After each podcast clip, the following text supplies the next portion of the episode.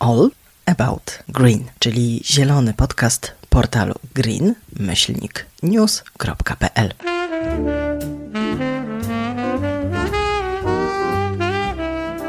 Tu znajdziesz najnowsze wiadomości o transformacji w energetyce, o OZE, elektromobilności, przemyśle, światowych trendach i tym, jaki mają wpływ na polską politykę i gospodarkę. Nie zabraknie też zielonej kultury.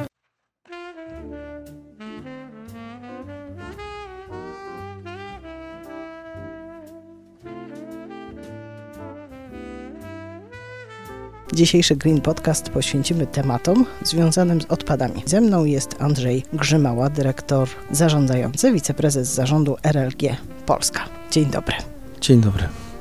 Temat odpadów jest bliski każdemu.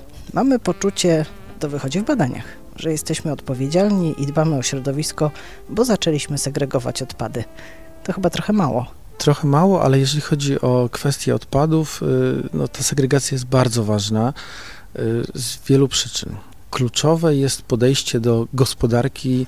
Żyjemy w gospodarce dzisiaj linearnej, niestety, czyli wykopujemy jakieś dobra, wykorzystujemy je i potem je zakopujemy. No, to nie jest zamykanie obiegu, mimo że trafia to w, też pod ziemię.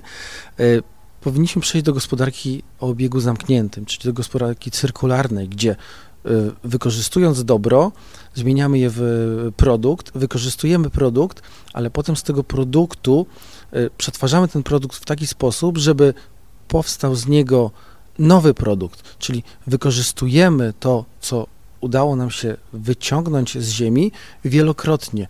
I to jest gospodarka y, cyrkularna, dlatego też selektywna zbiórka jest jednym z najlepszych przykładów, domykanie obiegów, czyli jeżeli my wykorzystamy te opakowanie, wykorzystamy produkt z tego opakowania i opakowanie wyrzucamy do odpadów, na przykład opakowanie z tworzywa sztucznego do żółtego worka, z papieru do niebieskiego worka, to potem to opakowanie, ten odpad opakowaniowy trafia do recyklingu, gdzie jest poddawany procesom recyklingu i, i, może być zawrócony do wytworzenia nowego opakowania. Ale modnym stało się w ostatnim czasie wykorzystywanie na przykład butelek PET do tego, żeby robić odzież, tapicerkę w samochodach. To mnie trochę złości, bo te butelki już kolejny raz y, nie staną się butelkami, jeżeli zostaną przetworzone na tekstylia. Tak, y, to jest y, tak zwany downcycling, czyli y, wykorzystywanie odpadu do czegoś, co nie było pierwotnie zaprojektowane z, z, tego materiału. To nie jest dobry trend pod takim względem, że my niestety, ale będziemy potrzebowali znowu nowe, no, w tym wypadku ropę naftową, żeby wytworzyć e, PET, żebyśmy mogli wytworzyć butelki. Dlatego najważniejsze jest to, żeby starać się zbierać odpad dobrej jakości, żeby można było go zawracać, stwarzać ten sam produkt, z którego e, e, odpad został wykonany. Pewnie najłatwiej byłoby tymi odpadami zarządzać, gdybyśmy mieli kaucję, gdyby coś nas obligowało do tego, albo napędzało, tutaj konkretnie pieniądze, żeby opakowanie trafiło tam, gdzie powinno. Kaucja jest bardzo ciekawym sposobem realizowania rozszerzenia odpowiedzialności producentów. Dlaczego? Dlatego, że kaucja to jest de facto nadanie wartości opakowaniu. Nadając wartość opakowaniu, my y, trochę z, dajemy taką zachętę dla konsumenta, żeby jednak zastanowił się dwa razy, czy to opakowanie, które zostało po produkcie, ma wyrzucić do lasu, nie daj Boże spalić, e, czy jednak rozsądne jest oddanie tego opakowania i dostanie kaucji z powrotem. E, dzięki temu e, systemy, gdzie, gdzie, w których, kraje, w których są systemy kaucyjne już wdrożone, osiągają poziomy w okolicach 90%, często wyżej, co przy tradycyjnej selektywnej zbiórce i nie dość wysokiej motywacji e, każdego z nas nie jest możliwe na tym etapie. Dobrymi przykładami są oczywiście kraje skandynawskie, ale czytałam też ostatnio, że Korea e, to jest kraj, w którym recykling jest na bardzo wysokim poziomie. Korea tak, ale Tutaj, jeżeli chodzi w ogóle o kraje e, azjatyckie, to bardzo wysoki poziom osiągają na recyklingu sprzętu elektrycznego, jakichś elementów właśnie ziem rzadkich czy, czy, czy metali szlachetnych. To, co jest ważne, myślę, że w Polsce i, i, i w Europie, to jest też to, żebyśmy my zawracali te, te wszystkie odpady z powrotem do obiegu. Dlaczego? Dlatego, że duża część E, tych e, produktów, z których są wytworzone te opakowania, te elementy właśnie sprzętu elektrycznego, elementy baterii, jest wydobywana w, w Azji, w Afryce, czyli poza Europą. E, widzimy, że kryzys związany z, z epidemią, teraz z, z, wojną spowodował, że niestety, ale tych surowców brakuje. Widzimy, jakie są problemy w sklepach żeby y, zamówić jakiś produkt, szalejące ceny niektórych produktów. To wszystko ma wpływ na to, że my byliśmy bardzo uzależnieni, szczególnie od, y, od rynków azjatyckich, y, gdzie, gdzie te były produkty były produkowane i my nie mamy zasobów do tego, żeby je produkować w Europie. Dlatego myślę, że to się wszystko będzie zmieniało, że Europa będzie powoli dążyła coraz bardziej do tej gospodarki cyrkularnej, będzie dbała o to, żeby te y, odpady zawracać i znowu y, robić z nich produkty. Ja może podam ciekawy przykład. Nasza, nasza firma dzisiaj ma kilku klientów, z którymi współpracujemy, z którym udaje się zamknąć obieg. Jednym z przykładów y, są akumulatory kwasowo-ołowiowe z samochodów. My dzisiaj w całej Europie zbieramy takie e, akumulatory, przekazujemy je do hut, a potem w hutach e, ten, e, ten ołów odzyskiwany z tych akumulatorów jest przekazywany z powrotem do tej firmy, żeby zbudowała nowe akumulatory. To jest świetny przykład na to, jak można zamknąć obieg swoich produktów. To wymagało trochę wysiłku i czasu. Był taki moment, że z samym odbiorem akumulatorów był spory problem, a teraz Polska jest liderem w Europie. Tak, w ogóle to wymagało przede wszystkim właśnie po, zmiany podejścia y, do, y, do całego tematu ze strony ludzi, mieszkańców, ale również ze strony y, ustawodawcy. Dzisiaj bardzo ciekawe rzeczy dzieją się właśnie w, w systemie kaucyjnym.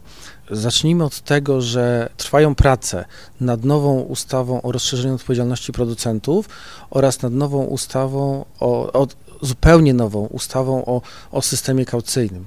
To jest, te dwie rzeczy się przenikają. One są też realizacją y, dyrektywy Single Use Plastics. Takie właśnie wsparcie y, ustawowe do pewnych procesów jest bardzo ważne po to, żeby ugruntować i y, przygotować wprowadzających przedsiębiorców, cały system do tego, żeby to sprawnie działało. Żeby sprawnie działało, to jest potrzebne zrozumienie całego tematu. Ja mam czasami wrażenie, że o gospodarce cyrkularnej rozmawiamy trochę jak utop, o utopii, że mało mamy do czynienia z tym, e, jak, jak to rzeczywiście może funkcjonować. Co gorsze, tego zrozumienia nie widzę w politykach często. Politycy. E, politycy muszą być trochę, e, trochę pomiędzy kwestiami gospodarczymi e, na, na, na inflację i dlatego chociażby dzisiaj mam takie wrażenie, że niestety projekt ustawy o rozszerzeniu odpowiedzialności producenta został troszeczkę od, od, włożony do, do lodówki, może nie do zamrażarki, ale do lodówki na chwilę jeszcze, dlatego, że może mieć to wpływ e, inflacyjny. Tylko, że trzeba wziąć pod uwagę jeszcze jedną bardzo ważną rzecz. My mamy zobowiązania w stosunku do Unii Europejskiej i musimy je spełnić. Dyrektywa SUP mówi o tym, że w 2030 roku 30% nowych opakowań do napojów z tworzyw sztucznych musi zawierać w sobie, e, e, te opakowania muszą zawierać 30% regranulatu. Musimy osiągnąć poziom 90% e, zbiórki opakowań po, odpadów opakowaniowych po napojach. To są bardzo wysokie poziomy, które żeby osiągnąć, musimy wesprzeć się nowymi systemami, jak system kaucyjny, który no, jednak powinien mieć jakieś podstawy e, w prawie, żeby można było to w prosty sposób wprowadzić e, ponieważ no, tych uczestników rynków jest bardzo dużo, tu znowu zaczniemy, jeżeli byśmy wchodzili w, w, detale, to jest kwestia ewentualnie konkurencyjności tych firm, no bo znowu, dlaczego ja mam robić kaucję na moje opakowanie, bo z punktu widzenia konsumenta ta woda nie kosztuje złoty 50, tylko kosztuje 2 zł. Co z tego, że te 50 groszy odzyskam kiedyś w przyszłości, a obok stoi woda, która nie jest w systemie kaucyjnym. Dlatego tak ważne jest to, żeby niektóre rzeczy, żeby pomagać osiągnąć te cele środowiskowe, muszą być wspomagane przez, y, przez urzędników państwowych, przez, przez odpowiednie ustawy, bo miejmy to, co jest najważniejsze. My mówimy o środowisku. To jest najważniejszy cel. Najważniejszym celem jest ochrona środowiska i zasobów naturalnych. A co ze spalarniami odpadów? Kilka lat temu to był temat dość kontrowersyjny. Mam wrażenie, że dyskusje trochę przycichły. Polska wciąż przymierza się do tego, żeby kolejne spalarnie budować. Na świecie wiemy już, że to nie jest najlepsze rozwiązanie. Spalarnie odpadów to jest, to jest bardzo gorący, gorący temat pod takim względem, że jedni je kochają, inni nienawidzą. Ja uważam, że powinniśmy do tego podchodzić bardzo racjonalnie. E, niestety część odpadów jest taka, że nie da się ich e, podać recyklingowi. Może nie to, że się nie da, jest to nieefektywne nieopłacalne ekonomicznie. I to jest największy problem. Tak jest teraz z tekstyliami, szczególnie mieszanki, bawełna z poliestrem na przykład. E, tak, no tekstylia to jest zupełnie e, inny temat. Są już e, dyskusje w, w Europie, żeby zrobić rozszerzoną odpowiedzialność producentów na tekstylia i myślę, że to będzie trend kolejnych lat, że te tekstylia będzie się zbierało i będzie się poddawało jednak ponownemu przetworzeniu. Wracając do spalarni, jeśli nie spalarnia, to może biogazownia? To się wszystko powinno uzupełniać, bo my mówimy o bardzo szerokim zakresie opakowań. Tylko, że znowu e, pytanie, czy, czy my powinniśmy dyskutować o spalarniach, o biogazowniach, o innych. Zastanówmy się nad, nad innym podejściem.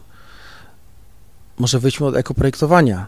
Zastanówmy się, jak zaprojektować produkty, opakowania, żeby były łatwe do poddania recyklingowi. I to jest niestety problem, z którym e, no, borykamy się, borykają się też e, firmy zbierające odpady, sortujące odpady. Dlaczego? Na przykład takiej zwykłej tacki po pierogach. Tacka jest z innego tworzywa. W środku jest wyłożona specjalną folią, która ma, może być zastosowana do kontaktu z żywnością. Na górze jest jeszcze inna folika, która jest jeszcze innym materiałem i dodatkowo etykieta papierowa.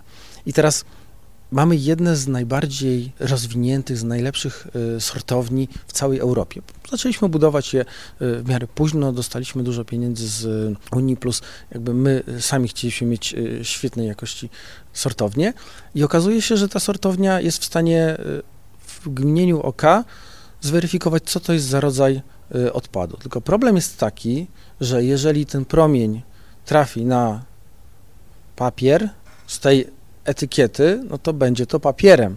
Jeżeli trafi na, od dołu na tą tackę, to będzie to zupełnie inne tworzywo niż gdyby trafiło od środka.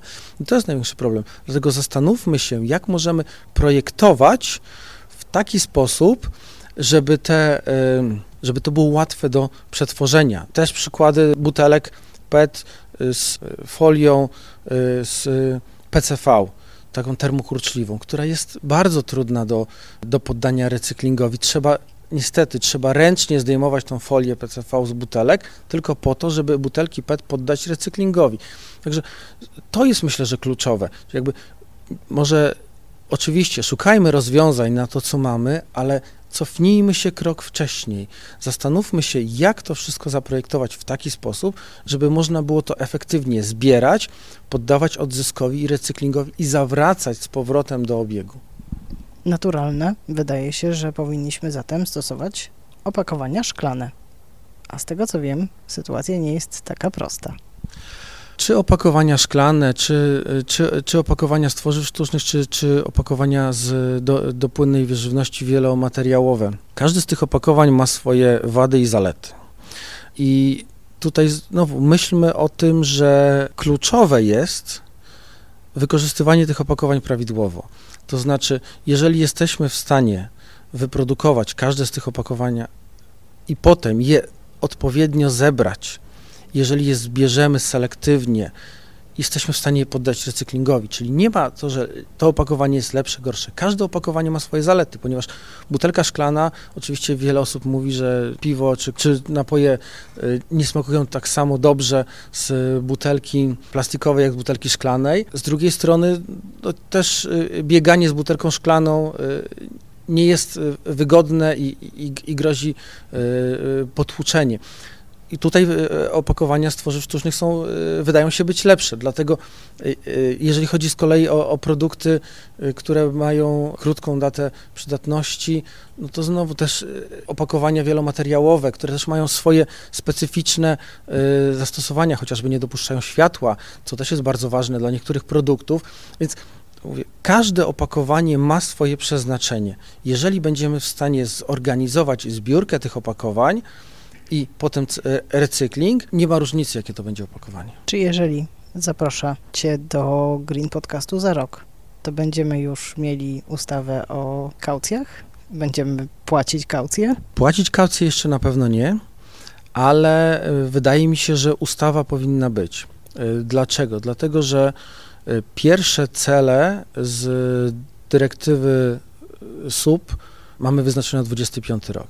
Dzisiaj mamy rok 22, w przyszłym roku 23, więc będziemy zaraz mieli już wdrażać system kaucyjny po to, żeby zrealizować e, te e, poziomy. Wdrożenie systemu kaucyjnego to jest bardzo, bardzo poważne przedsięwzięcie, które wymaga zarówno czasu, e, ale również ogromnych nakładów finansowych.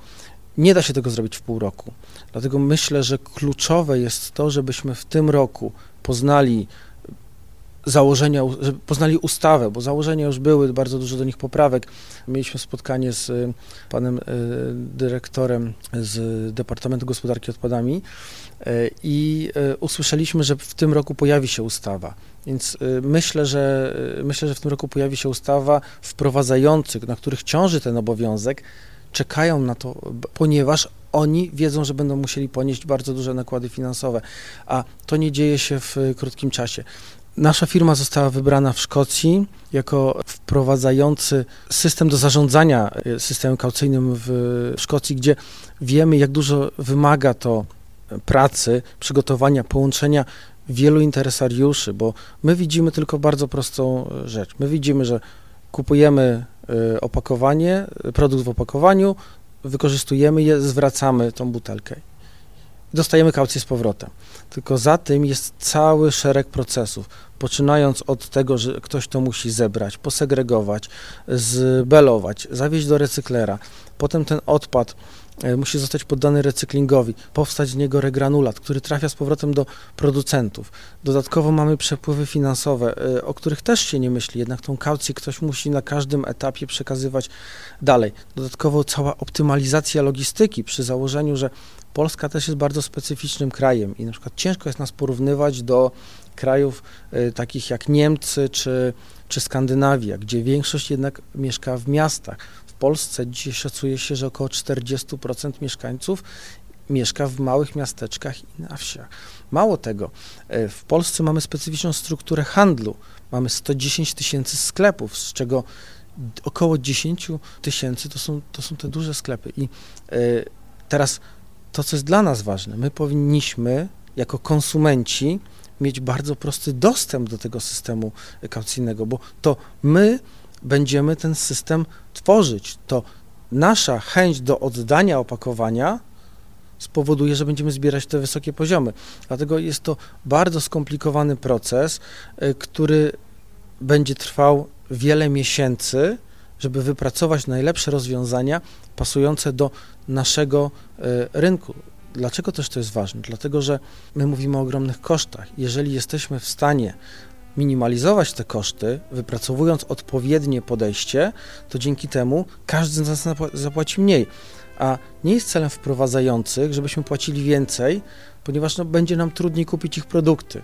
Więc to jest bardzo duży proces, który się rozpoczął już jakiś czas temu, ale nie jesteśmy w stanie pójść dalej bez y, odpowiednich ustaw, bez y, ram prawnych, wokół których ten system może być budowany.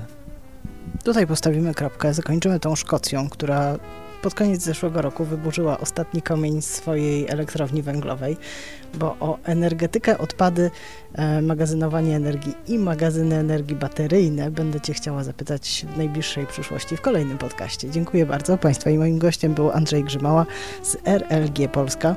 Ja nazywam się Agata Rzędowska. Dziękuję bardzo.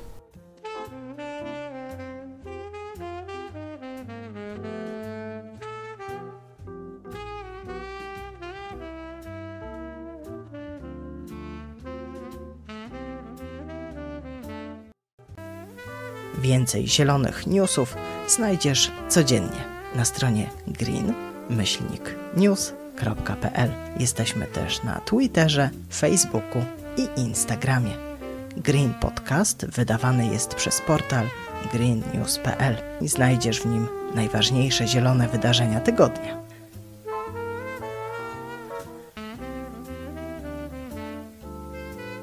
Chcesz wiedzieć więcej? Zapisz się na nasz newsletter na stronie green-news.pl. W zakładce newsletter wpisz swoje dane.